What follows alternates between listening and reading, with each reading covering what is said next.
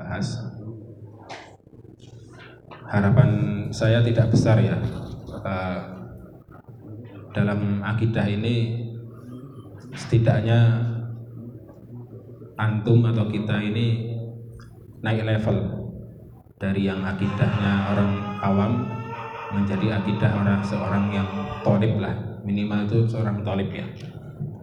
Karena uh, sudah pernah kita bahas bahwa akidah orang awam itu cukup simpel jadi cukup hanya meyakini bahwa Allah itu satu, Allah itu tidak seperti makhluk, kemudian uh, mensifati Allah dengan sifat sempurna dan menafikan segala sifat yang tidak sempurna bagi Allah itu sudah cukup bagi orang awam. Jadi memang kajian akidah itu enggak se ini ya nggak nggak sesimpel kajian yang lain jadi bahkan dengan beberapa orang yang saya anggap alim juga ketika berbicara akidah uh, beliau tidak terlalu masuk ke dalam uh, tidak terlalu dalam lah dalam membahas akidah. Kayak siapa ya kemarin saya sempat sedikit diskusi dengan Ustaz Solihun uh, mungkin ada beberapa kawan yang kenal dengan Ustaz Solehun. Beliau nggak terlalu mau jauh tentang akidah gitu. Ya simpel saja. Yang penting uh, Allah itu satu Allah itu tidak seperti makhluk sudah selesai gitu. Nah ini yang seperti ini itu adalah akidah bagi orang yang awam ya. Orang awam itu ya nggak nggak bisa terlalu dijak mikir jelimet gitu yang penting simple tetapi ya itu benar, tidak salah. Tetapi untuk menjawab subhat, untuk menjawab kerancuan-kerancuan dalam akidah, itu tidak cukup seperti itu. Apalagi nanti ketika uh, antum misalnya berhadapan berhadapan dengan teman-teman yang dari filsafat, itu pertanyaan mereka lebih lebih ini lebih lebih tidak mudah dijawab gitu. Bahkan uh, biasa sedikit, sedikit cerita ya uh, istri saya kan ini apa kuliah di matematika ya itu pernah ditugaskan uh, disuruh ngobrol atau wawancara dengan anak-anak filsafat itu sudah mundur ketika mau ngajak ngobrol anak-anak filsafat itu ditanya dulu kamu percaya Tuhan? Iya saya percaya kemudian Tuhan itu berapa? Satu siapa yang bilang Tuhan satu? dan sejak kapan Tuhan itu satu? itu sudah minder jadi Iya karena udah ribet sendiri dengan anak-anak filsafat gitu. Jadi uh, akidah yang kita pelajari memang sedikit banyak itu akan uh, bahkan bukan sedikit banyak kebanyakan akan berangkat dari filsafat. Nah metode beriman dengan akal ini itu metode yang lebih pas dalam memahami ilmu akidah. Karena tadi semua semuanya semua hal dalam agama ini ya masuk akal gitu. Bahkan dalam disiplin ilmu yang lain gitu. Kemudian eh, kita kan dari Rasulullah sudah sangat jauh ya. Sudah 1400-an tahun 14 abad jarak kita dengan Rasulullah nah kita memahami apa yang disampaikan Rasulullah itu tidak bisa sendiri. Karena apa? Karena ya kita tidak hidup bersama Rasulullah dan jarak kita dengan Rasulullah itu sudah sangat banyak, ratusan tahun. Kemudian zaman kita dengan zaman Rasulullah juga sudah berbeda. Zaman kita sudah banyak fitnah. Maka untuk memahami apa yang disampaikan Rasulullah untuk memahami apa yang ada dalam Al-Quran dan hadis itu kita membutuhkan para ulama. Kita membutuhkan pemahaman para ulama. Makanya dalam antum mungkin sering dengar bahwa ikhtilafu ummati rahmatun. Sering dengar ya kalimat itu ya? Ikhtilafu ummati rahmatun. Artinya apa perbedaan umatku adalah rahmat Umatku ini siapa? Syekh Sulaiman Al-Qurdi mengatakan bahwa umatku, umatku, umati dalam kalimat tersebut adalah maksudnya ulama. Jadi perbedaan ulamaku atau perbedaan ulama umat ini adalah rahmat. Bukan orang awamnya. Karena apa? Karena sering kali atau kebanyakan bahkan mesti perbedaan para awam itu nggak membawa rahmat. Ya. Orang-orang awam kalau berdebat itu nggak ada rahmatnya sama sekali, nggak ada faedahnya. Jadi ikhtilafu rahmati, ikhtilafu ummati, ikhtilaf perbedaannya para ulamaku adalah rahmat. Ya kita tahu bahwa dalam fikih saja kita punya empat madhab. Ini rahmat. Karena ya kita bisa milih antara satu dari empatnya. Tidak tidak digabungkan ya, salah satu saja. Kemudian dalam akidah mungkin ada Imam Asy'ari, ada Imam Maturidi. Kemudian dalam tasawuf itu juga banyak sekolahnya. Banyak kurikulum banyak madrasahnya kalau tasawuf itu. Ada Imam Junaid al Baghdadi kemudian ada Imam Ghazali. Itu kemudian ada yang lebih berat lagi. Imam Ibnu Arabi Muhyiddin Ibnu Arabi itu kalau antum baca kitabnya namanya Futuhat Makiyah itu kitab yang termasuk terlarang dibaca oleh para tolib. Namanya kitab Futuhat Makiyah itu bahasanya sudah tingkat tinggi itu. Bahkan ya memang terlarang untuk dibaca orang-orang yang awam. Itu sudah bacaan beda uh, apa sudah bacaan tingkat-tingkat tinggi. Namanya kitab Futuhat Makiyah bahkan uh, Ibnu Arabi ini itu bagi sebagian kalangan itu ya sempat apa ya karena mungkin nggak nggak paham itu ya sempat dicap menyimpang Ibnu Arabi nanti kalau baca literasi itu banyak itu nah di dalam mempelajari ilmu juga ada tingkatannya. Kalau uh, istilah guru saya mengatakan ada tadarruj. Tadarruj itu step by step ya. Dalam belajar ilmu agama itu ada tiga tingkatan. Pertama mubtadi. Mubtadi itu pemula.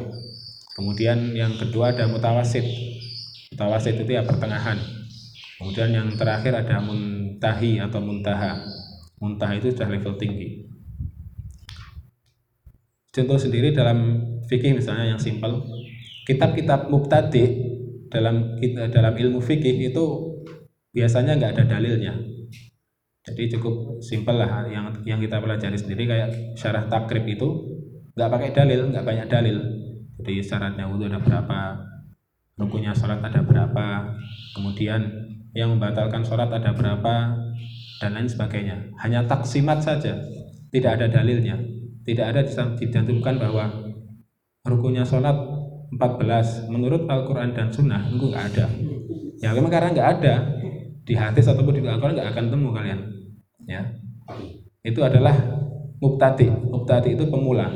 Jadi dalam taraf permulaan itu nggak perlu banyak dalil yang penting bagaimana sholatnya benar yang penting bagaimana wudhunya benar dan menguasai uh, cakupan keilmuan secara secara global ya, nggak detail. Itu namanya untuk mubtadi. Nah nanti ketika masuk ke mutawasid itu sudah mulai ada dalilnya, kemudian ada pembahasan tentang dalilnya bagaimana istidlal istidlalnya bagaimana karena dalil sendiri itu banyak aspek ada umum atau khusus mukoyat atau mutlak kemudian ini majas atau hakikoh dan lain sebagainya ya Kemudian setelah mutawasid ada muntaha atau muntahi. Nah ini sudah beda lagi levelnya. Kalau kalau ke atas lagi itu tingkatannya sudah pada fase perdebatan.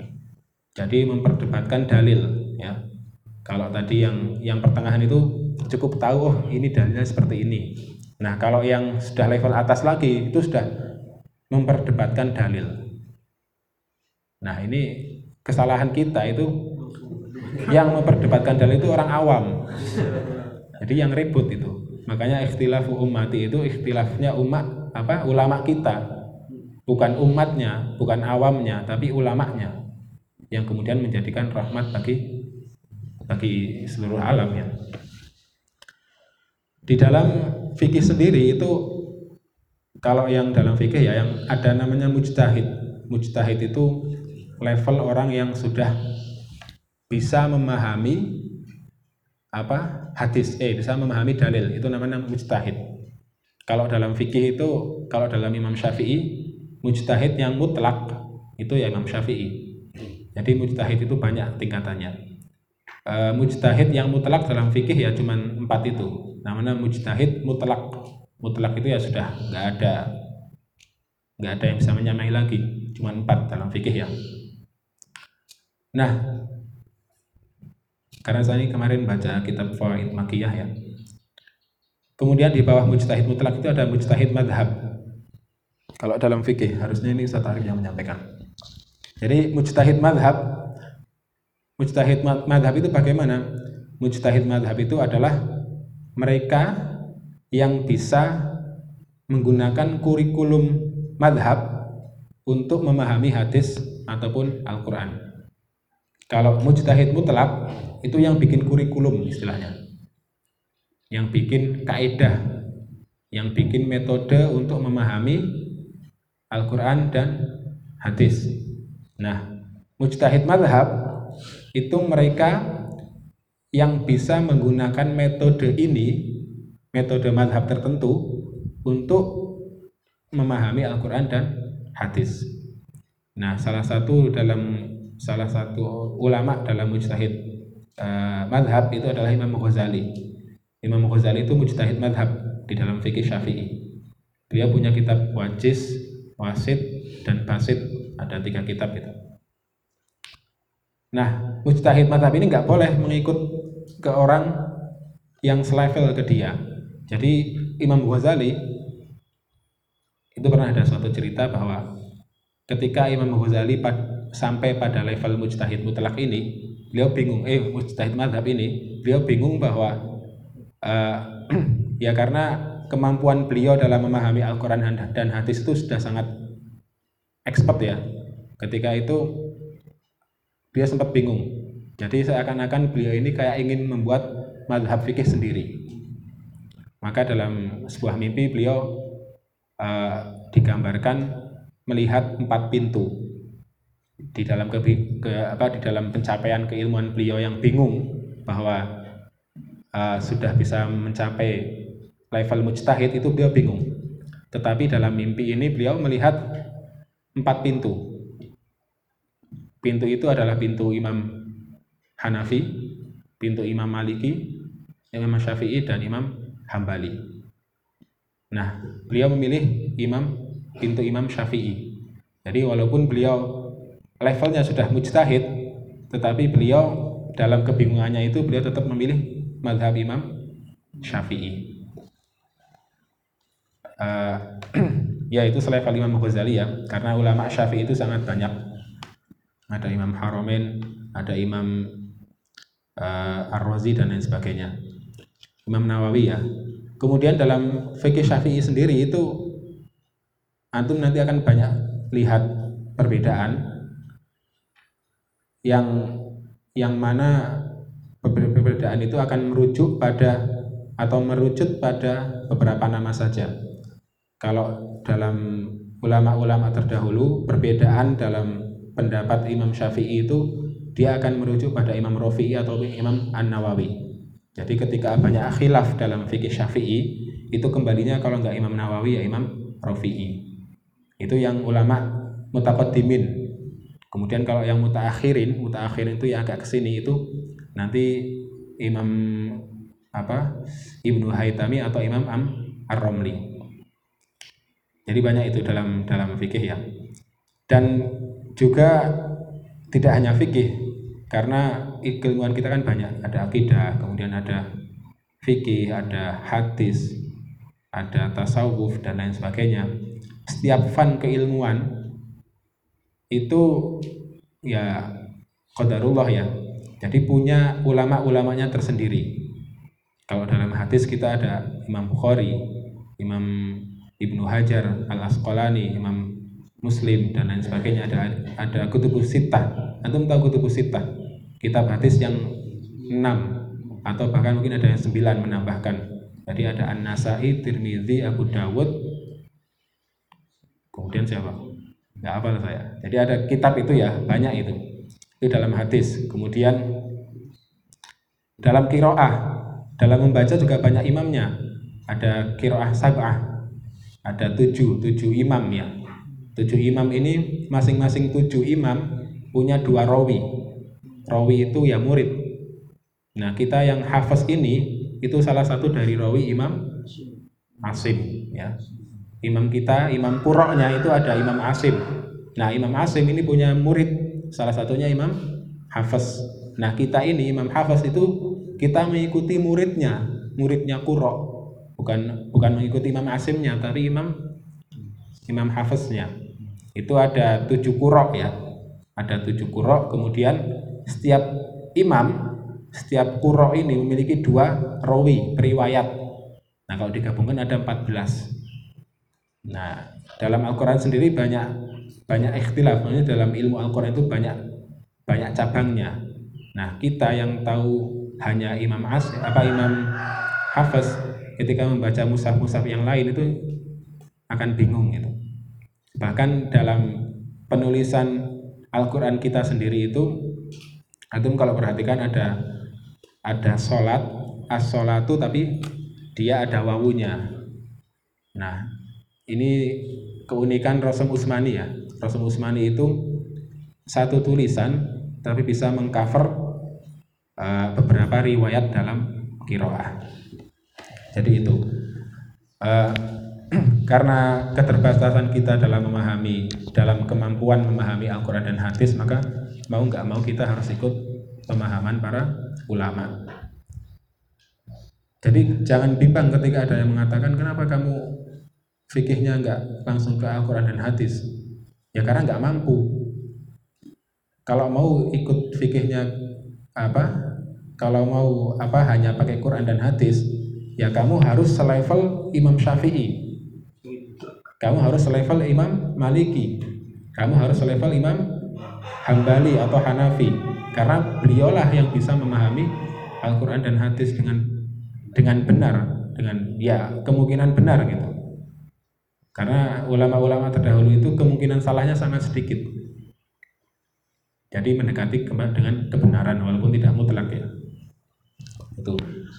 Begitu juga dengan ilmu akidah. Kenapa ilmu akidahnya nggak pakai Al-Quran dan hadis saja? Ya silahkan kamu pakai Al-Quran dan hadis, tetapi keilmuanmu sudah mencapai level Imam Abu Hasan al Ashari. Ya, seperti itu. Mudahnya seperti itulah. Ya karena kita belajar bahasa Arab aja nggak nggak selesai selesai gitu. Dan setiap fan keilmuan untuk bisa mencapai pada level muntaha atau level paling tinggi itu setidaknya membutuhkan waktu 20 tahun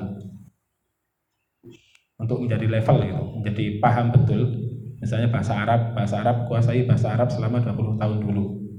Kemudian kuasai ilmu fikih selama 20 tahun dulu.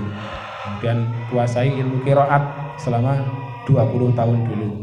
Kemudian kuasai ilmu hadis selama 20 tahun dulu. Nah itu kalau bisa digabungkan semuanya, ya silahkan kamu berkata bahwa saya mengikuti Al-Quran dan hadis. Cukup bagi saya pakai Al-Quran dan hadis, minimal 20 tahun. Nah kita belajar akidah baru beberapa bulan ini. Ya, kita kembali ke pembahasan akidah. Kita sudah membahas tentang sifat 20 yang wajib ya. Sifat 20 yang wajib bagi Allah. Kenapa hanya 20? Sebenarnya di sini ulama tidak tidak membatasi jumlah ya. Artinya selain 20 itu masih banyak kemungkinan. Tetapi yang ditemukan oleh ulama hanya 20. Setelah dikaji bertahun-tahun, ternyata sifat wajib bagi Allah itu yang layak hanya 20. Seperti kita beriman kepada malaikat lah kita wajib mengimani malaikat itu ada berapa? 10. Tapi apakah malaikat cuma 10? Enggak. Ratusan ribu, bahkan mungkin bisa jutaan jumlahnya. Nabi pun yang wajib diimani ada berapa? 25. Tapi selain itu banyak ya. Jadi penyebutan jumlah di sini itu bukan bukan lil hasr, bukan untuk membatasi. Tetapi setelah dikaji bertahun-tahun ternyata yang yang ada ya cuma 20 sifat wajib. Dan setelah kita membahas kitab apa yang 20, kita kemarin sampai pada yang mustahil bagi Allah. Jadi yang mustahil itu ya lawannya 20. Ketika sudah ada yang wajib 20, maka yang mustahil adalah 20 lawannya. Yang pertama eh, Allah wujud lawannya adalah al-adam. Al-adam itu ketiadaan ini sudah kita bahas. Wujud kitam lawannya adalah hudus. Jadi kitam itu yang terdahulu, hudus yang terbaru. Kemudian yang ketiga, kitam bakok, lawannya bakok adalah turuwul adam. Jadi bakok itu kan kekal. Nah lawannya kekal itu apa? Dalam bahasa Arabnya adalah turuwul adam. Berlakunya ketiadaan.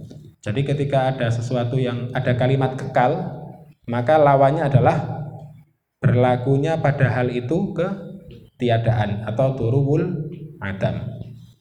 Ini yang ketiga. Nah, yang keempat yang perlu apa dicermati betul-betul adalah mukhalafatuhu lil hawadisi itu sifat wajib bagi Allah dan mustahilnya adalah al mumatsalatu lil hawadisi. Al mukhalafah artinya apa? Berbeda. Jadi yang wajib bagi Allah adalah al mukhalafatuhu lil hawadisi. Jadi Allah itu wajib berbeda dengan makhluk. Lawannya al mumatsalatu lil hawadisi. Lawannya adalah al mumatsalatu artinya apa al mumatsalatu? Sama, menyerupai lil hawadisi kepada sesuatu yang hadis atau yang baru. Saya bacakan teksnya. Ar-rabi al-mumatsalatu lil hawadisi hiya diddul mukhalafatu al-wajibatu lillahi ta'ala wal mumatsalatu mustahilatun 'ala Allah wal mumatsalatu ibaratun 'anil musyabahati lil hawadisi fi dzati was sifati wal af'al. Jadi persamaan dengan makhluk itu adalah mustahil bagi Allah. Maksudnya persamaan itu apa? Atau persamaan itu dalam hal apa saja. Maka di sini beliau menjelaskan bahwa persamaan yang mustahil bagi Allah itu meliputi tiga hal, yaitu persamaan dalam zatnya Allah, persamaan dalam sifatnya Allah, dan persamaan dalam afalnya Allah. Jadi ada tiga ya, karena kita selalu membahas Allah itu ya dari segi zat, sifat, dan afal. Fayastahillu 'ala Allah ta'ala an ta'khudha dzatahu qadran minal faragh. Fayastahillu 'alaihi ta'ala ay yakuna jirman aw yakuna 'aradan yakumu bil jirmi. Nah ini sudah istilah-istilah mantik ini. Wa yastahilu 'ala Allah ay yakuna fi jihatin lil jirmi bi ay yakuna fawqal 'arsy masalan aw tahtahu aw yaminahu aw shimalahu aw amamahu aw khalfahu. Jadi yang pertama Mustahil bagi Allah itu untuk menempati sebuah ruang ya atau menempati sebuah arah. Jadi wa 'ala Allah taala ayyakuna fi jihatin. Jadi Allah itu mustahil menempati suatu arah yaitu seperti di atas ars atau di bawahnya atau di kanannya atau di kirinya atau di depannya atau di belakangnya. Karena sesuatu yang berarah itu pasti makhluk ya. Dan Allah tidak terikat dengan arah. Ini harus ini sering saya ulang-ulang lah. Artinya antum harusnya ya paham gitu ya. Jangan ada lagi jawaban bahwa Allah itu di atas ars ya ya. Rabbuna yahdina lah. Semoga Allah memberikan kita pemahaman yang betul tentang Allah. Kemudian wa hadza min aujuhil al mumatsalatu lil al mustahilatu bi i'tibari zat. Jadi itu ya Allah itu tidak menempati suatu ruang ya. Karena yang menempati ruang itu hanya makhluk. Simpelnya seperti itu ya Kemudian wa yastahilu 'ala Allah taala an takuna lahu jihatun fi nafsihi bi ayyakuna lahu yamin au shimal au faq au tahta au au qaddam au khalf. Li'annahu law kana kadzalika lakana jirman. Wa hadha min awjuhil al-mumathalatu al-mustahilatu bi'tibari dzat.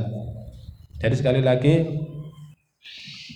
uh, bahwa Allah tidak menempati ruang atau tidak menempati arah ataupun tidak diarahkan ya.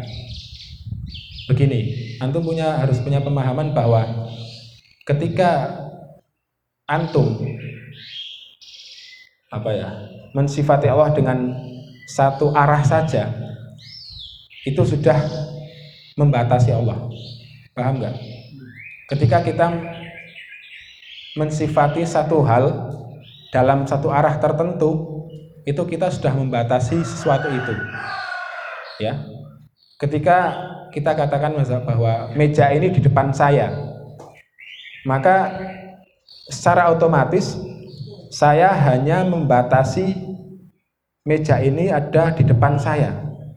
Artinya tidak di belakang saya tidak di kanan kiri atas ataupun bawah. Saya membatasi satu arah untuk meja Paham ya? Itu namanya batas. Al-haddu. Dan Allah tidak memiliki batas. Maka sudah tidak layak bahwa Allah dikatakan di atas ataupun di bawah atau yang lebih jelimet lagi ya di mana-mana. Ini jadi banyak nanti, ya. Ketika kita memutuskan bahwa sesuatu itu di depan, maka otomatis kita sudah membatasi hal itu, gitu loh. Paham ya? Artinya ya tidak di belakang, tidak di atas ataupun kanan ataupun kiri ataupun bawah, ya. Fayastahilu tadi ya yang pertama adalah Allah itu tidak berarah.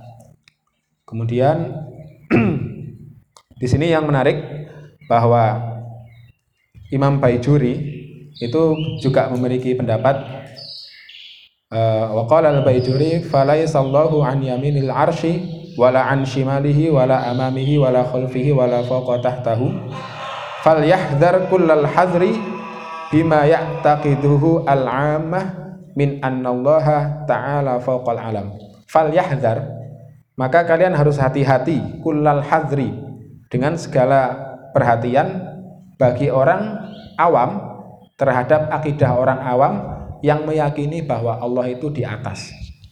Nah, ini ini warning dari Imam Baijuri lakin nasahih anna mu'taqidal jihati la yakfur kama qala Ibnu Abdissalam jadi uh, yang mengatakan bahwa Allah itu di atas ini kita sebut dengan mu'taqidul jihah.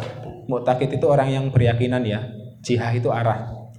Itu yang benar bahwa mereka atau orang-orang awam ya. Karena kita kebanyakan ya kalau ngobrol sama orang awam mesti mengatakan bahwa Allah itu di atas.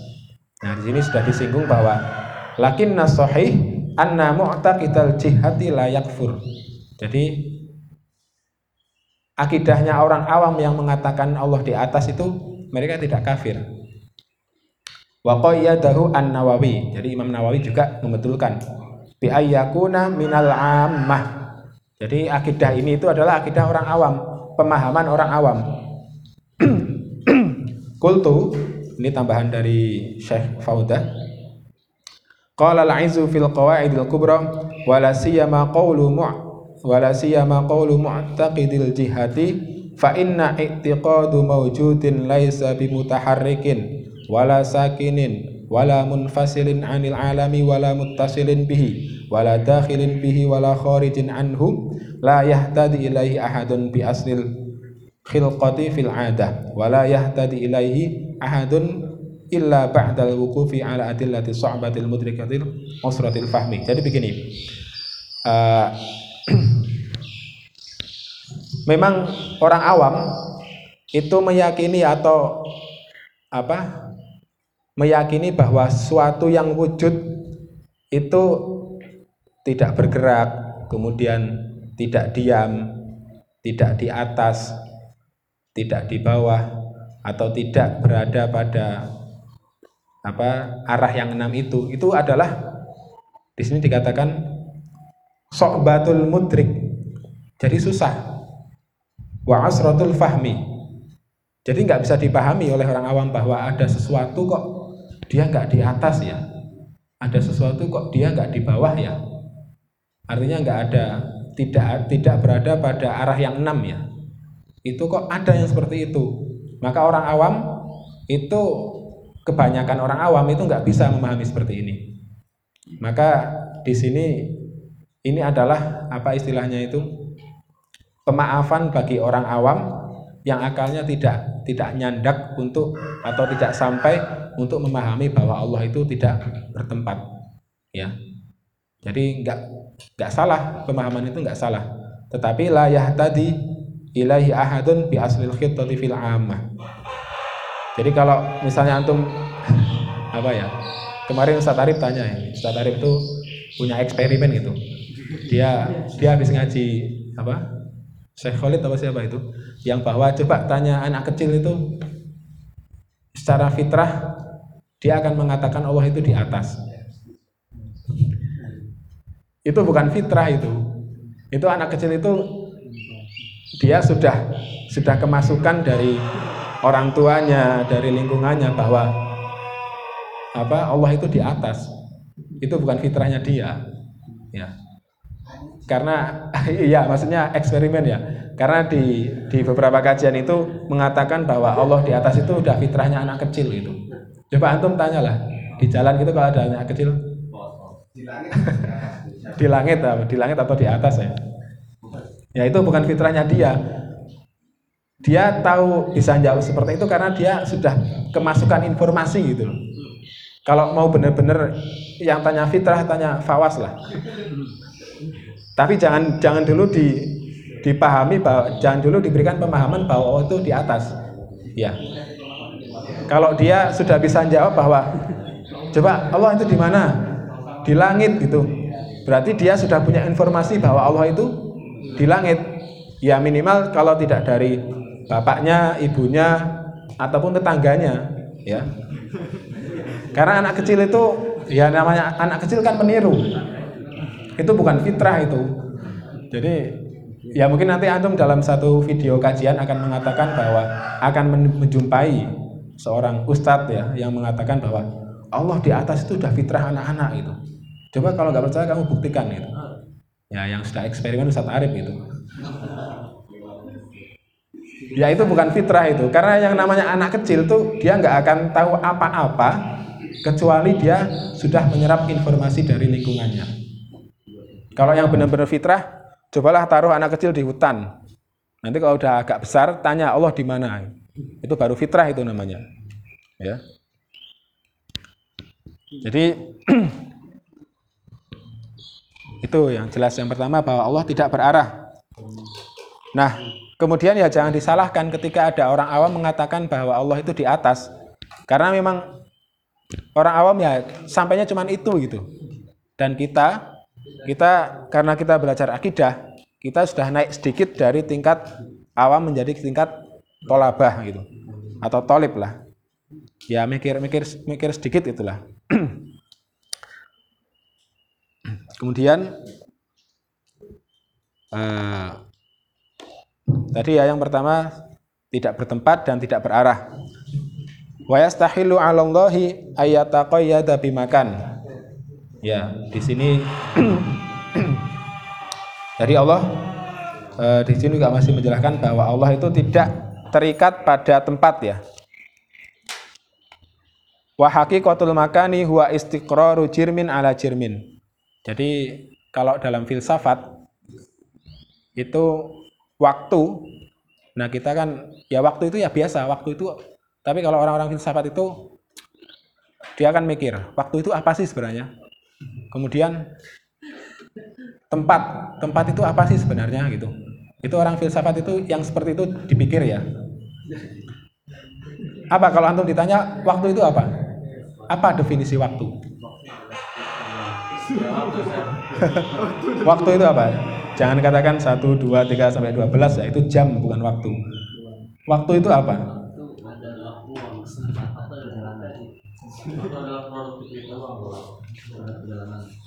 Jadi ya banyak definisinya. Salah satunya waktu adalah pergerakan. Jadi kenapa ada waktu? Itu ada adalah itu karena apa ihtiraqul aflak. Jadi alam ini bergerak. Alam ini dinamis ya, nggak diam. Nah, karena pergerakan ini kemudian muncul waktu. Kalau alam ini diam, itu tidak akan terlahir waktu. Paham ya? ya, waktu itu adalah pergerakan. Kalau alam ini diam, aflak ya, alam itu aflak semuanya lah. Alam semesta ini diam, tidak ada pergerakan, maka tidak akan ada waktu. Jadi orang filsafat itu ya sampai segitunya mikirnya. Kemudian tempat. Wa yastahilu 'ala Allahi ayataqayyada bimakanin. Jadi Allah itu mustahil berada pada tempat. Orang filsafat bertanya lagi, tempat itu apa? Wa haqiqatul makan huwa istiqraru jirmin ala jirmin. Jadi di sini dikatakan bahwa hakikat tempat itu istiqraru jirmin ala jirmin. Wah, apa itu? Jadi hakikatnya tempat itu hakikat tempat sebentar. Saya paham tapi untuk memahamkan ini susah ini. Jadi hakikatnya tempat adalah adanya sesuatu berada pada di antara apa ya? Di antara langit dan bumi lah istilahnya. Jadi sesuatu itu mengambil sebuah ruang di antara langit dan bumi. Fal mustaqiru alaihi wal makan di Allah taala. Ya susah ya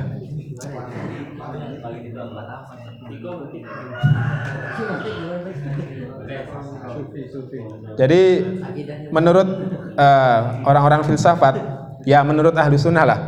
Wal makanu inda ahli sunnati huwa al faragh al mauhum jadi menurut ahli sunnah yang dinamakan tempat adalah al faragh al mauhum al faragh farohun farohun itu adalah sesuatu kekosongan.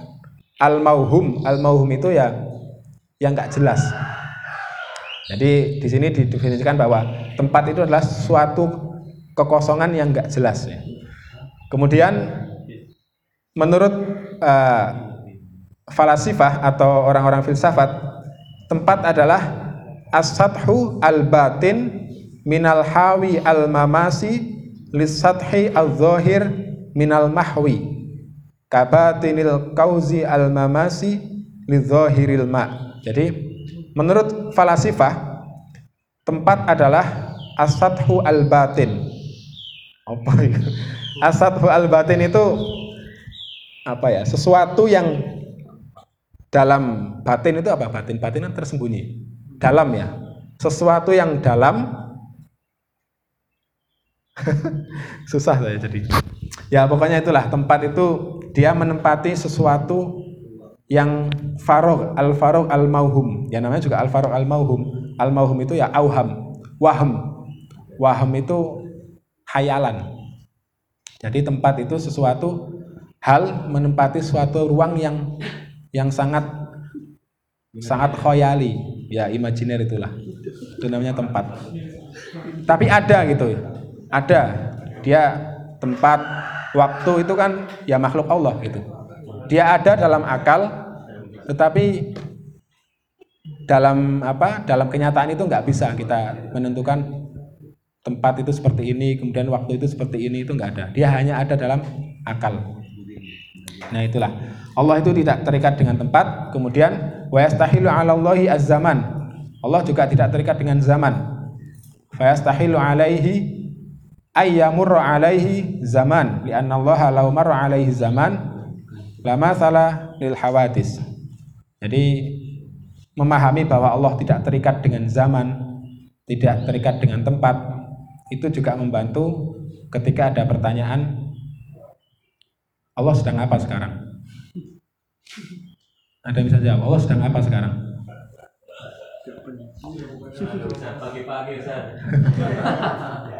Ada yang bisa jawab? Allah sedang apa sekarang? Sekarang ini loh Allah sedang apa? Ada yang bisa jawab? Allah sedang apa sekarang? Sekarang ini loh. Sedang apa?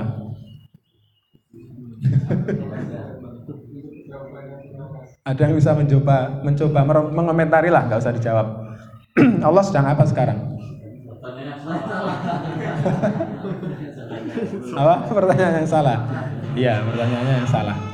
Karena sekarang, kemudian besok, nanti, kemarin itu kan waktu. Iya. Jadi Allah tidak terikat dengan waktu. Kemudian ada pertanyaan, ketika Allah sebelum menciptakan alam, itu Allah ngapain? Ya sama aja. Allah, ya pertanyaannya yang salah karena Allah tidak terikat dengan sebelum, tidak terikat dengan sesudah, tidak terikat dengan sekarang.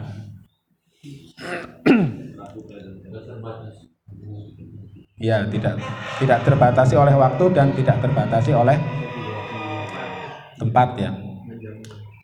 Makanya apa? Bisa meyakini bahwa Allah tidak di atas ars, Allah tidak di langit itu suatu memang suatu yang perlu mikir ya. Karena orang yang yang ngotot bahwa Allah di atas itu ya ya malas mikir mungkin ya karena ya ya ini ya. Apa kelompok-kelompoknya itu itu ya saya katakan kelompok salafi wahabi itu mereka mereka memang mengharamkan mantik. Mereka memang mengharamkan filsafat. Jadi dari sejak awal saja itu mereka sudah sudah nggak mau belajar filsafat itu. Nggak mau belajar ilmu logika. Maka ketika disanggah bahwa Allah tidak di uh, Allah tidak terikat dengan tempat tidak dengan waktu ya ya nggak bisa nggak bisa mengcounter lah. Jadi pemahaman akidah dengan dengan melalui akal ini setidaknya antum ketika ada subhat-subhat seperti itu itu bisa jawab itulah. Minimal antum ketika ngobrol dengan orang-orang filsafat itu nggak nggak minder gitu, nggak nggak nggak apa nggak jiper lah. Jadi ya ya biasa aja ketika ditanya siapa yang mengatakan Allah itu satu? Ya jawab saja Allah sendiri gitu. Sejak kapan Allah itu satu? Ya sejak dulu kala. Gitu. Ya banyaklah kemudian ketika kita belajar filsafat, ya belajar akidah dengan dengan logika itu, maka kita bisa mengkonter pemahaman-pemahaman yang yang tidak layak dengan Allah. Nah, kalau hanya dalam taraf akidahnya orang awam itu nggak bisa mereka menjawab seperti itu. Ya namanya orang awam ya, susah mikir gitu. Kemudian selanjutnya wa yastahilu an tattasifa dzatuhu al-aliyah bi sifatil hadisah mislal harakah wasukun wa ghairihima. Jadi Allah itu mustahil disifati dengan bergerak ataupun dengan diam, ya. Jadi dua sifat ini tidak layak bagi Allah. Maka ketika wa huwa alladzi khalaqas apa? Khalaqas samawati wal arda tsummastawa 'alal arsy. Nah, ada tsummastawa 'alal arsy itu kan secara secara tekstual itu ada pergerakan di situ. Jadi kebayanglah dalam antum ketika Allah menciptakan langit dan bumi.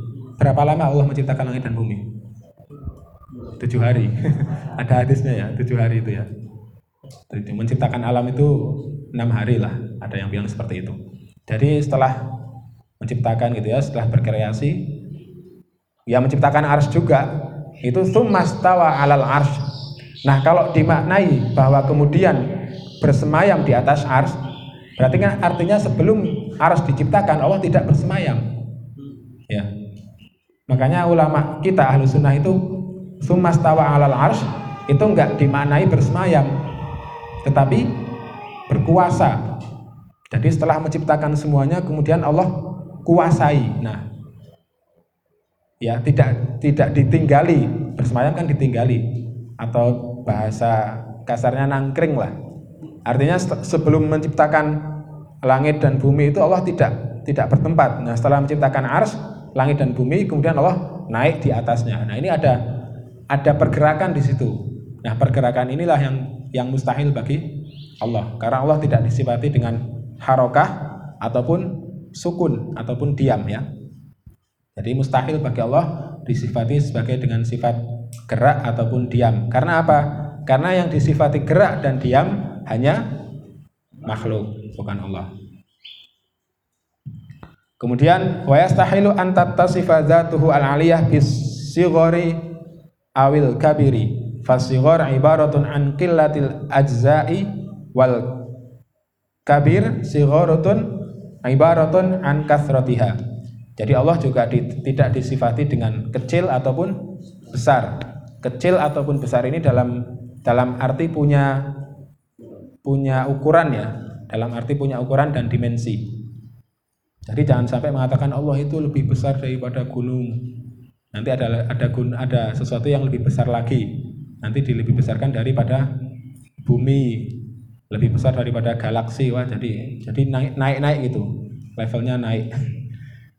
Ya lebih baiknya nggak usah gitu. Nah ini sekali lagi saya sampaikan ini adalah uh, pemahaman untuk tolabatul ilmi, tolib ya.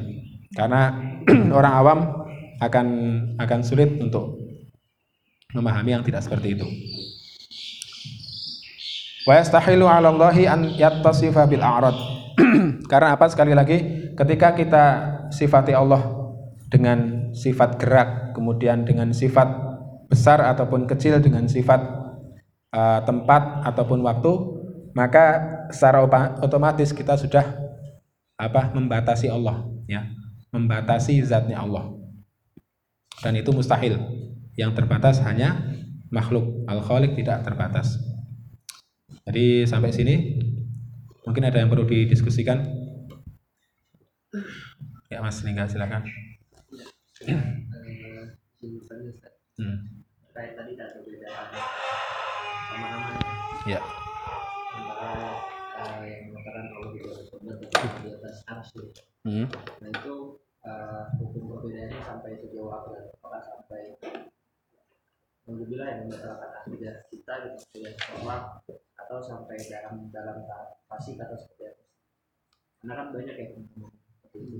Iya.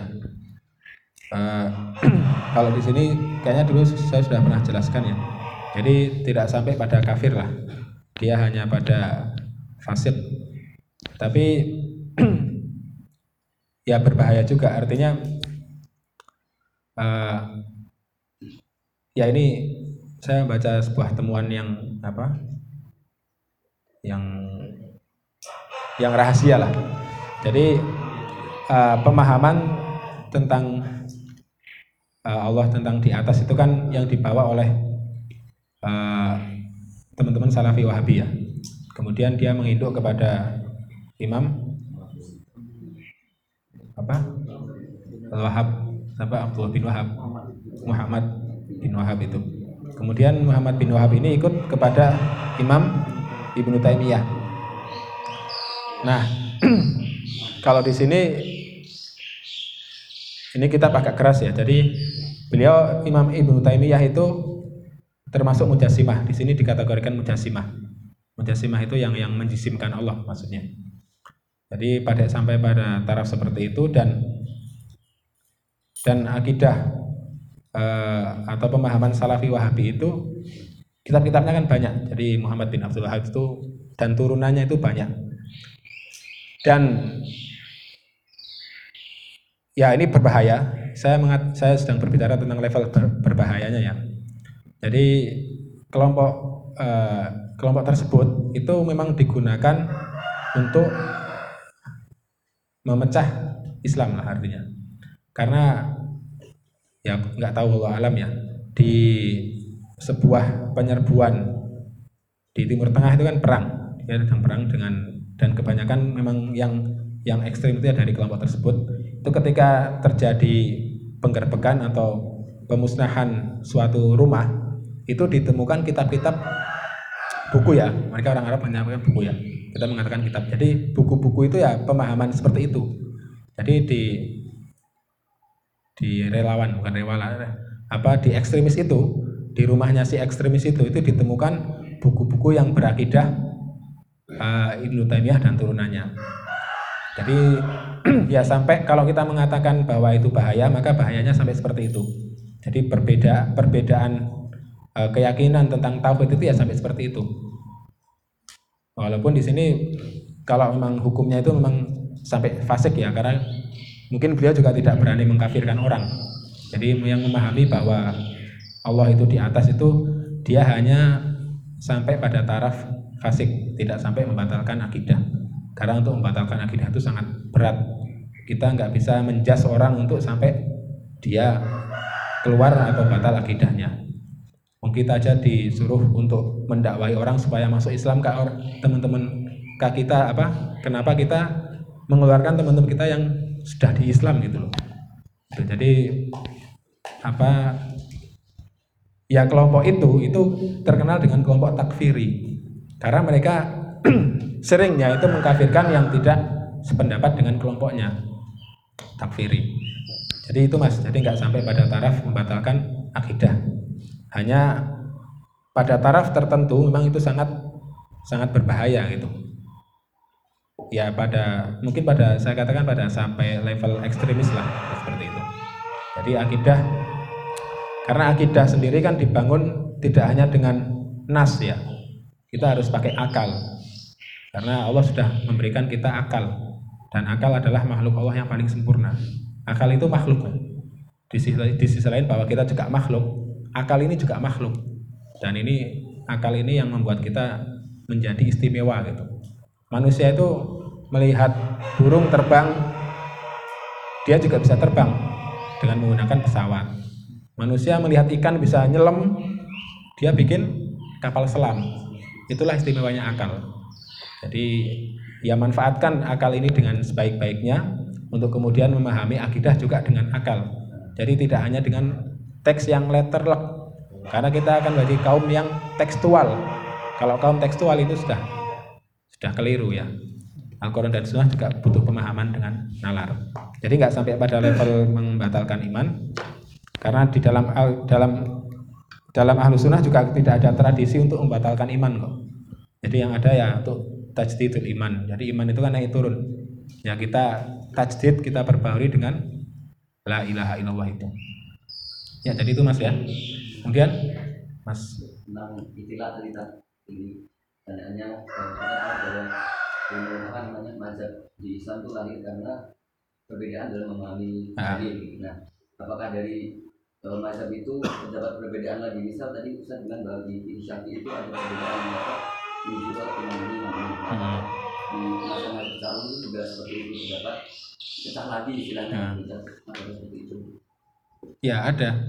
Jadi dalam ya kita fikih kan cuma empat ya. Nah di dalam yang empat ini itu di dalamnya itu juga banyak ikhtilaf gitu, banyak perbedaan pendapat.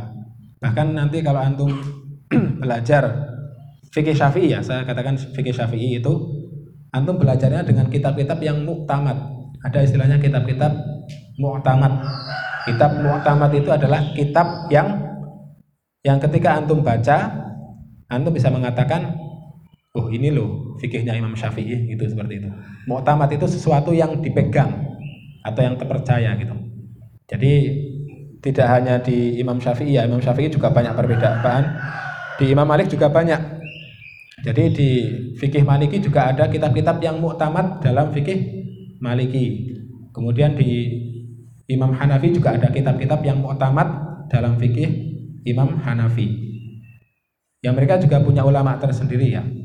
Saya nggak tahu detailnya, tapi uh, saya kira memang memang ada ada perbedaan pendapat. Itu tidak tidak memungkiri adanya perbedaan pendapat. Karena imam karena setiap imam itu kan punya murid-murid sendiri. Imam Syafi'i itu punya empat murid.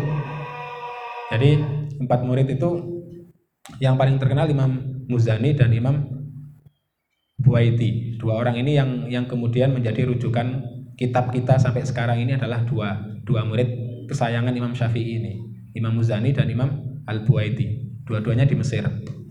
Jadi ada ya itu. Jadi bukunya Imam sendiri, bukunya Imam Syafi'i itu jadi terse apa langgengnya sebuah madhab itu tidak terlepas dari perjuangan para muridnya.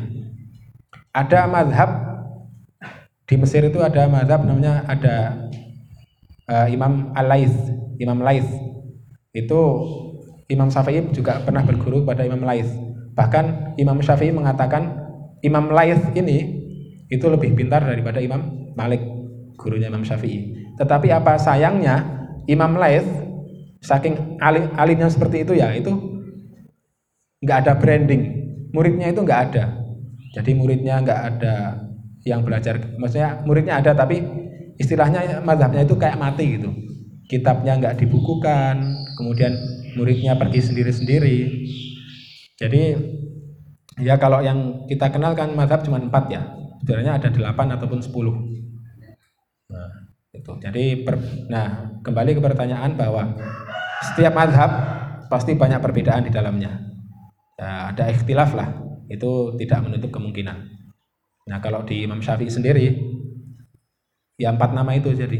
Jadi kalau ada perbedaan itu kita kembali ke Imam Nawawi atau Imam uh, Rafi'i, kemudian atau Imam Ibnu Hajar Al Haytami atau Imam Ar-Romli. Ada empat itu. Itu yang mutakodimin atau mutaakhirin. Ya Ustaz Arif ya? ya itu. Jadi ada mas perbedaan. Di lain itu ada. Ya. Mas Ilman dulu. Iya, kadang apa namanya e, bingung menyikapi kalau misalnya ada ya perbedaan pendapat ya tadi soalnya kasus saya sendiri di kampung itu hmm. sampai memutuskan silaturahim gitu loh. Ya. Jadi sampai karena ada yang berbeda pendapat akhirnya keluar kampung. Kadang juga diajak diajak duduk kemudian berdiskusi kayak gitu. E, kita yang misalnya memiliki pemahaman seperti ini meyakini bahwa ya kayak tadi kita pertanyaan-pertanyaan kayak gitu. Jadi bingung menjelaskannya kayak gimana paham maksudnya tapi bingung menjelaskannya gitu akhirnya dia banyak terjadi perbedaan pendapat sampai kemudian karena perbedaan pendapat yang itu memecah hubungan iya. itulah jadi itu ke sebuah keniscayaan ya. Makanya saya sendiri itu ya bisa lah ngerti baca kitab itu untuk memahamkan aja susah gitu. Ya karena mungkin saya karena di depan saya antum gitu. Kalau di depan saya misal Ustadz Arif gitu, itu bisa ada diskusi itu ada. Itulah makanya perbedaan level level pemahaman itu penting. Apalagi kita menyikapi nantinya kita dari sini kan mau tidak mau ke rumah masing-masing ya. Kita harus bisa ya latihan latihan bagaimana transfer pemahaman yang benar. Karena ngomong dengan orang awam itu susah ya. Saya kalau disuruh ceramah di depan masyarakat umum itu saya mending ceramah di depan mahasiswa. Karena ya itu tadi ketika berhadapan dengan awam apalagi awam yang ngeyel itu potensi konfliknya lebih besar. Makanya ikhtilafu umati ya bukan bukan awamnya ulamanya perbedaan yang menjadi rahmat adalah perbedaan ulamanya bukan perbedaan antara awamnya nah awam sekarang orang awam sekarang kan dia kalau beramal harus pakai dalil Nah, ketika disodori dalil, menurut dia kemudian, wah berarti amalan saya ada dalilnya ini. Nah, keyakinan ini dia bawa ke mana-mana. Artinya yang ketika tidak ada tidak ketika ada orang selain dia yang yang tidak ada dalilnya itu akan salah. Padahal hakikatnya bisa jadi orang yang dia anggap salah itu dalilnya sama, cuman pemahamannya aja yang beda. Ya. Jadi ya susah lah artinya kita itu potensi itu harus kita manage ya. Kita belajar untuk menghadapi orang awam karena orang awam itu ketika bermasalah apa ketika berselisih itu mereka akan lebih lebih mengedepankan ngototnya daripada mikirnya. ya itu sudah rahmat ulama ini apa umat ini. Jadi umat ini itu banyak awamnya. Maka saya saya saya saya salut kepada ustadz-ustadz yang yang bisa mengayomi awam dengan bagus. Salah satunya yang saya sebut Ustadz Solihun itu. Beliau bisa bisa ya mungkin yang pernah belajar tahulah beliau itu hidupnya di antara orang-orang yang sangat perular. Apa peru? Peru ya itulah perular itu jadi bahkan beliau kan jadi ketua RT ya ketua. Saya kan jadi ngomongin orang ini nggak saja saya kagum aja sama beliau. Jadi bisa mengayomi banyak madhab banyak perbedaan itu bisa uh, bahkan ada orang non muslimnya juga di situ di tempat beliau tinggal itu. Kemudian beliau pernah ceramah di sebuah masjid, itu diprotes sama takmirnya. Ustaz, kenapa yang dari tadi itu antum menjelaskan itu perbedaan-perbedaan semua gitu? Enggak terima jamaahnya. Terus kata beliau ya, ya saya, saya sampaikan perbedaan itu supaya kalian tahu berwawasan bahwa di dalam agama itu di dalam agama ini itu banyak perbedaannya. Jadi jangan saklek gitu.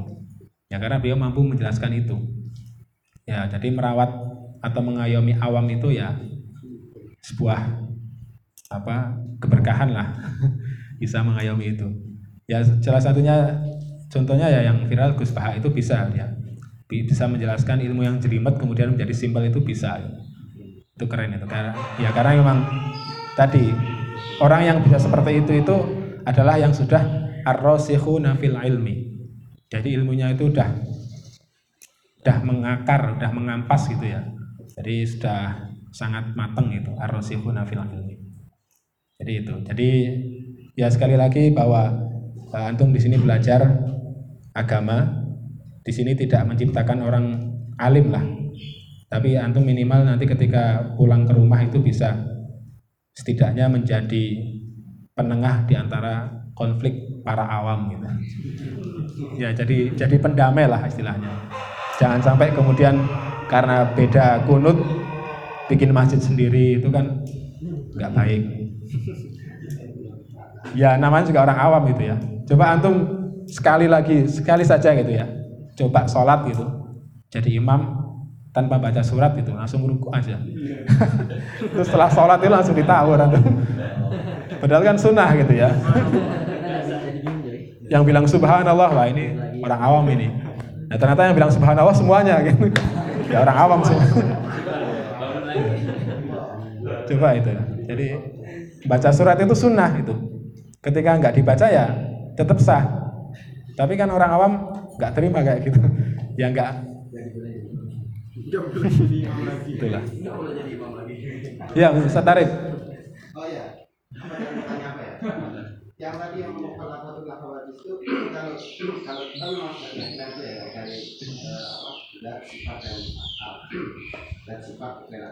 terus ketika akal akal itu kan ketika kita ini nih jadi hmm. dari hadis atau ayat sendiri ketika Allah berinteraksi dengan manusia itu kan? Baik ketika Allah berkata kepada mereka atau Allah semakin apa berkata pada Nabi Musa itu paling banyak itu kan. Kita punya boleh nggak kita punya atau pas itu pas itu ya nah, itu Allah mengirim makhluk atau bukan eh, tadi ya bukan Allah berkata kalau kata-katanya tidak saling berkata itu seperti apa itu? Pas itunya itu kita punya keyakinan penyakit bahwa pas itu biar makhluknya paham terus Allah eh, suara itu. Terus katanya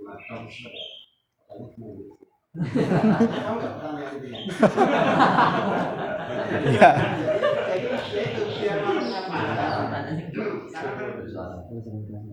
Ini lah pernah mendengar ceramah saya jadi Allah itu memerlukan apa ya bahasanya itu biar malam itu paham gitu loh. Bahasanya apa istilah Allah memerlukan sudah mampu paham.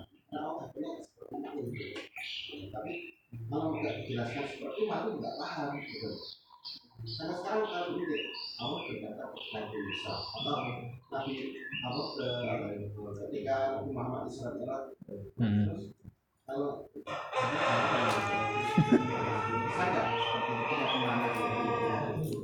bisa Allah akarnya seperti makhluk akarnya pas itu karena makanya ketika itu enggak bisa nggak Ya, jadi sebenarnya ya kalau mau dijawab ya enggak enggak boleh gitu.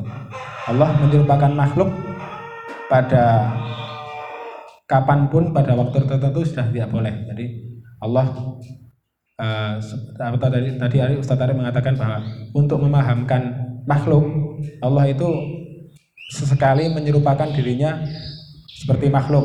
Itu ya nggak perlu. Allah kan maha kuasa. Jadi nggak perlu Allah untuk memahamkan makhluk Allah menyerupakan dirinya seperti makhluk. Ya walaupun walaupun afalnya ya.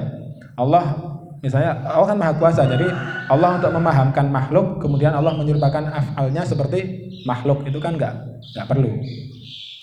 Jadi kalau misalnya seperti tadi apa bagaimana interaksi atau percakapan Allah dengan Nabi Musa dengan atau dengan malaikat itu ya ya simpel saja. Allah maha kuasa. Jadi Allah bisa saja apa memberikan informasi tanpa harus dengan suara tanpa harus dengan bahasa, tanpa harus dengan embel-embel yang apa transfer informasi itu adalah menyerupakan dengan makhluk. Paham nggak?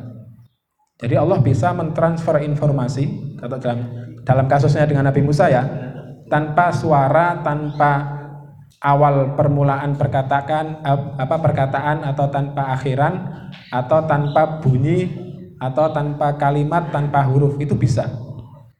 Yaitu kayak suara. Ya saya saya contohkan lah, saya contohkan itu ketika misalnya antum mendengar bisikan hantu ya. Misalnya yang yang suka naik gunung kan biasanya ada suara bisikan-bisikan, ayo suruh ke kanan, suruh ke kanan itu. Ya, saya baca di misteri aja suratnya. Jadi itu kan nggak ada, suaranya itu kan nggak ada. Tapi antum tahu gitu loh. Tahu bahwa oh ini kok ada suara yang menuntun saya ke kanan. Nah itu kan bisa tahu. Walaupun hakikatnya itu kan suaranya nggak ada, hurufnya nggak ada, tapi dalam benaknya itu ada informasi yang masuk. Ya. Jadi interaksi salah satu contohnya interaksi Allah dengan Nabi Musa itu yaitu jadi Allah berkalam, berfirman tanpa suara, tanpa huruf, tanpa kata, tanpa awal dan tanpa akhir. Itu bisa transfer informasi itu bisa. Jadi ya, ya Allah Maha Kuasa. Kalau mungkin yang dimaksud adalah istilahnya tanah zulat ya. Kalau saya tadi bingung. Jadi istilahnya itu tanah zulat. Tanah zulat itu saya dengar juga dari Gus Baha. Jadi sifat-sifat Allah yang susah dimengerti. Itu Allah sudah mentanazulkan, merendahkan dirinya dengan sifat-sifat yang bisa dipahami oleh makhluk. Contoh tanah zulat yang paling jelas adalah Al-Quran berbahasa Arab. Ya. Jadi firman Allah berbahasa Arab. Itu sudah tanah zulatnya Allah. Jadi Allah untuk menurunkan supaya makhluk seluruh dunia ini paham, itu Allah memilih satu bahasa untuk firmannya gitu. Yaitu bahasa Arab. Jangan diartikan bahwa firman Allah itu cuma bahasa Arab itu. Paham nggak? Jadi Allah berfirman tidak hanya dengan bahasa Arab, tetapi karena Allah butuh ya. Bukan bukan Allah butuh ya. Dalam tanda kutip Allah butuh me, mentransformasikan kalamnya atau firmannya atau ajarannya kepada makhluk. Maka mau tidak mau firman ini kemudian mensublim apa mensublim. Kemudian merubah serat serat serat serat serat transformasi menjadi bahasa Arab. Ya. Paham? Jadi itu. Jadi Allah karena saking ya firman Allah tidak terbatas bahasa Arab. Karena ada Taurat, Injil itu kan bahasa Ibrani ya. Itu bukan bahasa Arab, tapi juga firman Allah. Jadi bentuk tanah zulat, tanah zulatnya Allah, bentuk merendahnya Allah kepada makhluk, kepada hambanya, maka Allah menurunkan firman-Nya dalam bahasa Arab. Ya, jadi seperti itu. Jadi ketika sudah, nah ketika firman ini sudah turun ke bumi, maka dia sudah terkena budaya. Maka apa itu. Jadi maka ada maka ketika firman itu menjadi bahasa Arab itu sudah sudah terkena efek budaya. Ada budaya bahasa, kemudian ada budaya penulisan, ada budaya pengucapan. Nanti ketika dicetak sudah masuk kertas itu sudah budaya lagi. Jadi yang kertas ini ya mushaf. Mushaf bentuk penjelmaan dari firman Allah yang yang kodim, yang hakiki gitu. Jadi paham itu ya? Jadi itu saja. Uh, oh masih ada? Kita diskusi aja lah. Hmm, silakan. Nah, terima kasih tadi ceritanya. Jadi uh, uh, intinya lebih biar saya lebih yakin aja gitu. Hmm. Jadi kayak uh, mau tanya prinsip dasar akidah itu sebenarnya seperti apa terus kemudian inti dari tauhid itu sebenarnya juga seperti apa apa kita hanya yang penting percaya bahwa Allah itu ada terus kemudian kita tidak menyamakan Allah seperti makhluk terus kemudian kita melainkan kita menyempurnakan Allah apakah hanya itu aja atau kita juga nggak perlu mikir-mikir yang lain seperti Allah di mana Allah sekarang lagi apa kemudian kayak Allah berfirmannya kayak gimana dan sebagainya apakah hanya seperti itu gitu? Ya, itu pertanyaan yang sudah dijawab sendiri. Mas. Pertanyaan yang sudah bisa dijawab sendiri. Jadi ya itu inti akidah itu ya itu. Jadi apa? Meyakini Allah itu ada ya. Kemudian mensifati Allah dengan sifat kesempurnaan dan menjauhkan sifat kerendahan dari Allah. Itu sudah, itu sudah inti akidah. Dasar tauhid itu itu. Makanya inti ini itu bisa masuk ke awam, bisa masuk ke tolib, juga bisa masuk ke ulama. Itu inti ya. Tapi artinya ketika awam hanya meyakini ini itu sudah dibenarkan. Nah, tolib, tolib mikir lagi dong. Tidak seperti itu. Karena tolib butuh membahas dalil misalnya. Kemudian kalau sudah naik lagi ke ulama, ke mutawasid, ke muntahi. Ke muntahi sudah levelnya sudah debat. Dia sudah mulai mempertentangkan. Kalau awam nggak bisa, dia dengan modal seperti itu nggak bisa. Nah inti inilah yang yang dipunyai awam, dipunyai uh, pelajar atau dipunyai orang-orang yang sudah expert ya. Itu inti, itu dasarnya seperti itu. Makanya ada ya saya cerita Imam Ar-Razi itu kan saya pernah cerita bahwa Imam Ar-Razi itu ulamanya Baghdad lah. Ketika itu beliau menemukan 100 alasan atau 100 dalil tentang adanya Allah. Ini geger seluruh kota. Wah, keren sekali Imam Razi sampai bisa menemukan 100 alasan, 100 dalil adanya Allah. Tetapi ada satu nenek, nenek-nenek di situ dikatakan nenek-nenek itu yang enggak yang enggak heran sama sekali. Dia ditanya kenapa kamu enggak kaget? Imam Ar-Razi loh sudah menemukan 100 dalil tentang Allah. Kata si nenek apa? Sekelas Imam Ar-Razi kok butuh 100 dalil? Saya satu aja sudah cukup gitu kata nenek itu. Jadi, nah inilah yang kemudian membuat Imam Ar-Razi yang sudah sangat expert seperti itu di akhir hayatnya beliau berkata, "Ya Allah, saya hanya berdoa ingin iman saya dikembalikan kepada imamnya orang awam." Jadi Imam Ar-Razi yang sudah sangat apa menekuni imam apa ilmu akidah dengan sangat matang itu di akhir hayatnya beliau berdoa ya Allah kembalikan iman saya kepada imannya para awam. Nah itu. Karena apa? Karena intinya itu ya ya itu tadi.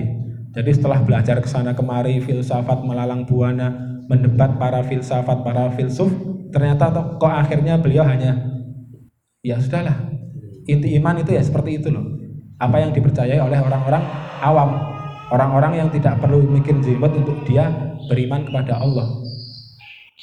Tapi itu sekelas Imam Ar-Razi ya, yang sudah ke sana kemari gitu ya.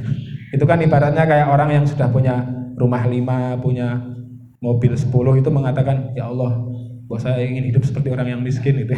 Jadi capaiannya sudah banyak, kemudian di akhir hayatnya, ya Allah, hidupkannya saya dengan sederhana itu. Kalau orang awam seperti kita orang tolib ya, ya belajar dulu seperti Imam Ar-Razi.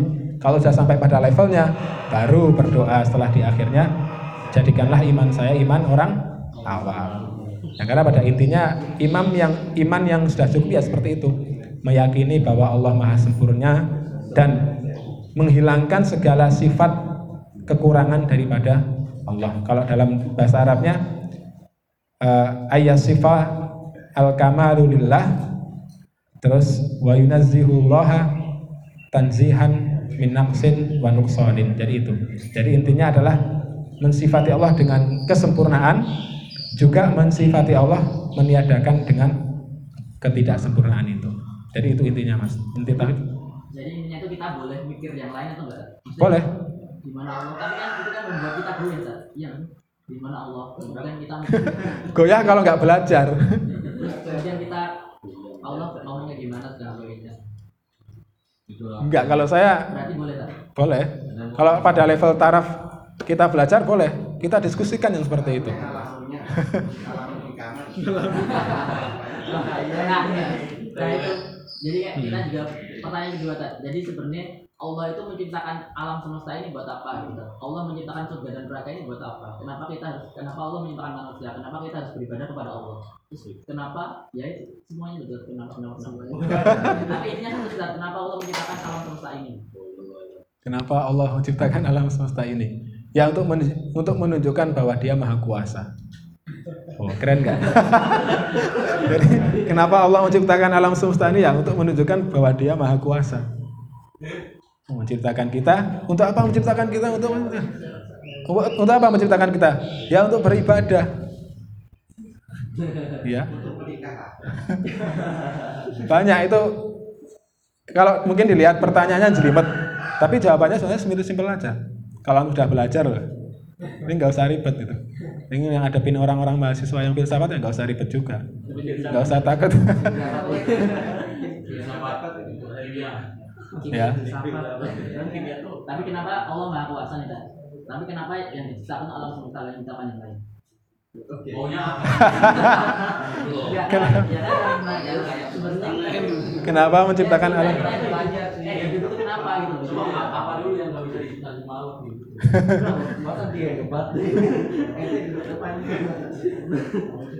Ya itu simpel simpel aja banyak. Ya kenapa kenapa ya tadi itu jawabannya kenapa Allah menciptakan kenapa menciptakan alam semesta kenapa nggak yang lain? Memang yang di lain alam semesta itu apa? ya. Jadi antum apa membayangkan pertanyaan yang ribet padahal sebenarnya jawabannya itu simpel ya. Ya, kita sambil belajar sambil diskusi lah artinya semoga kita, belajar kita ini menambah keyakinan kita dengan dengan lebih logis bukan kemudian menjadi tambah bingung. Kalau tambah bingung jangan disimpan. Obrolkan sama temenmu Ya. kalau kalau temenmu nggak bisa jawab pertanyaanmu coba tanya di Google. Itu banyak versi jawabannya itu. Ya dah itu mas. Ya sudah ya. Eh, Alhamdulillah alamin. Jadi kita pembahasan kita pada masih pada mustahil bagi Allah. Ini banyak ya. Nanti antum kalau punya pertanyaan-pertanyaan yang jelimet di, diutarakan saja. Bisa jadi kalau kalau saya nggak bisa jawab nanti Ustaz Arif yang jawab lah. Kayak pertanyaan misalnya surga dan neraka sudah diciptakan apa belum gitu. Sudah belum? Kalau sudah berarti sekarang kosong dong surga neraka. Nggak ada orangnya. ya. Itu banyak yang kayak gitu ya. Itu pertanyaan-pertanyaan yang unik dan dan kita belajar dari itu. Karena nisful ilmi setengah daripada ilmu itu pertanyaan ya. Jadi setengah daripada ilmu itu adalah pertanyaan. Kalau antum sudah bisa mengeluarkan pertanyaan itu adalah antum sudah mulai setengah daripada ilmu. Kalau antum pikirannya nggak pernah bertanya-tanya itu ya ya kal mayit udahlah makan ya makan tidur tidur udah jadi setengah dari pertanyaan itu adalah ilmu karena pertanyaan itu menggerakkan otak menggerakkan akal kalau tidak ada pernah bertanya ya ya bisa dijamin otaknya nggak terlalu jalan itu kalau dijual mahal ya sudah ya alhamdulillah alamin kita cukupkan dulu pembahasan kita pada hari ini Semoga apa yang kita pelajari membawa berkah dan manfaat bagi kita dan orang-orang di sekitar kita ya. Marilah kita tutup uh, kajian pada malam pada pagi hari ini dengan membaca istighfar. Alhamdulillah dulu kemudian istighfar dan doa kafaratul majelis. Alhamdulillahirabbil alamin. Astaghfirullahalazim. Subhanakallahumma wa bihamdika asyhadu an la ilaha illa anta astaghfiruka wa atubu ilaik. Wabillahi taufiq wal hidayah. Saya akhiri. Wassalamualaikum warahmatullahi wabarakatuh.